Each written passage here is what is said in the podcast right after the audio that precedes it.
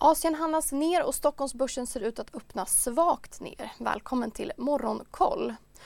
Protester mot de hårda covid-restriktionerna syns på allt fler håll i Kina, bland annat i Shanghai. Och samtidigt lyfts kritik mot kommunistpartiet och demonstranter kräver ledaren Xi Jinpings avgång.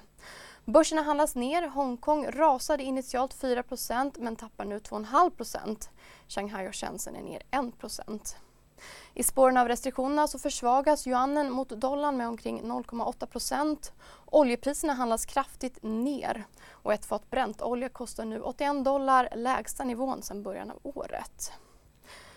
Teknikaktierna i Hongkong tar stryk och faller under morgonen tillsammans med elbilstillverkare och fastighetsaktier. Tungviktarna Tencent och NetEase är ner 2% och Alibaba tappar 4 Mildare nedgångar ser vi i Japan där börserna är ner en halv procent.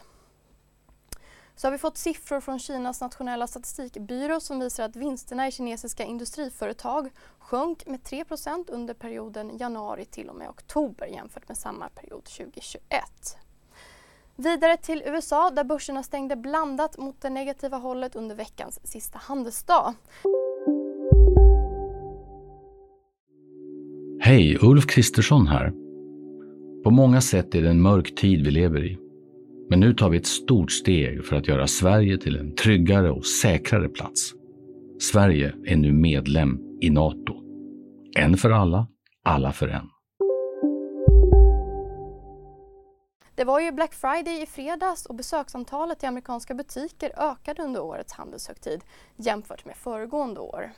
Enligt Mastercard Spending Pulse steg den totala försäljningen med 12% jämfört med föregående Black Friday. Det är ju en tunn makrodag i USA men i eftermiddag publiceras dock Dallas Fed industriindex som väntas falla även den här månaden. Så till Sverige där styrelsen i BHG har utsett Gustav Örn till ny VD. Han har sedan i somras varit tillförordnad VD men tillträder nu rollen permanent. Och så ska ABB leverera 10 generatorer av permanent magnettyp, en del av framdrivningsutrustningen ombord till det kinesiska fartygsvarvet COSCO. Utrustningen ska monteras i 10 containerfartyg av den större modellen. Den amerikanska läkemedelsmyndigheten FDA häver pausen av Diamyd Medicals fas 3-studie Diagnode 3. Studien som utvärderar forskningsbolagets behandling av typ 1-diabetes får därmed godkänt att starta i USA.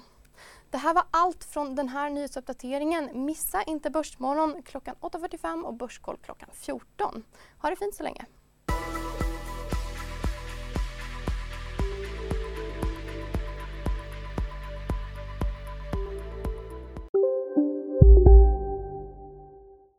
Vi är specialister på det vi gör, precis som du. Därför försäkrar vi på Swedea bara småföretag, som ditt. För oss är små företag alltid större än stora och vår företagsförsäkring anpassar sig helt efter firmans förutsättningar. Gå in på swedea.se företag och jämför själv. Där det finns ett samhälle, där finns det brott. Krimrummet är podden som tar brottsligheten på allvar. Jag bjuder in landets ledande experter och tar upp aktuella rättegångsfall för att begripliggöra den kriminalitet som kryper allt närmare. Du, alltså, du kan knäcka ett eller några gäng, men det kommer komma nya och så kan vi knäcka dem sen. Men att du ska knäcka allt forever, det kommer aldrig ske. Det är infinite gain. Lyssna på Krimrummet, en podd från Expressen med mig Kim Malmgren.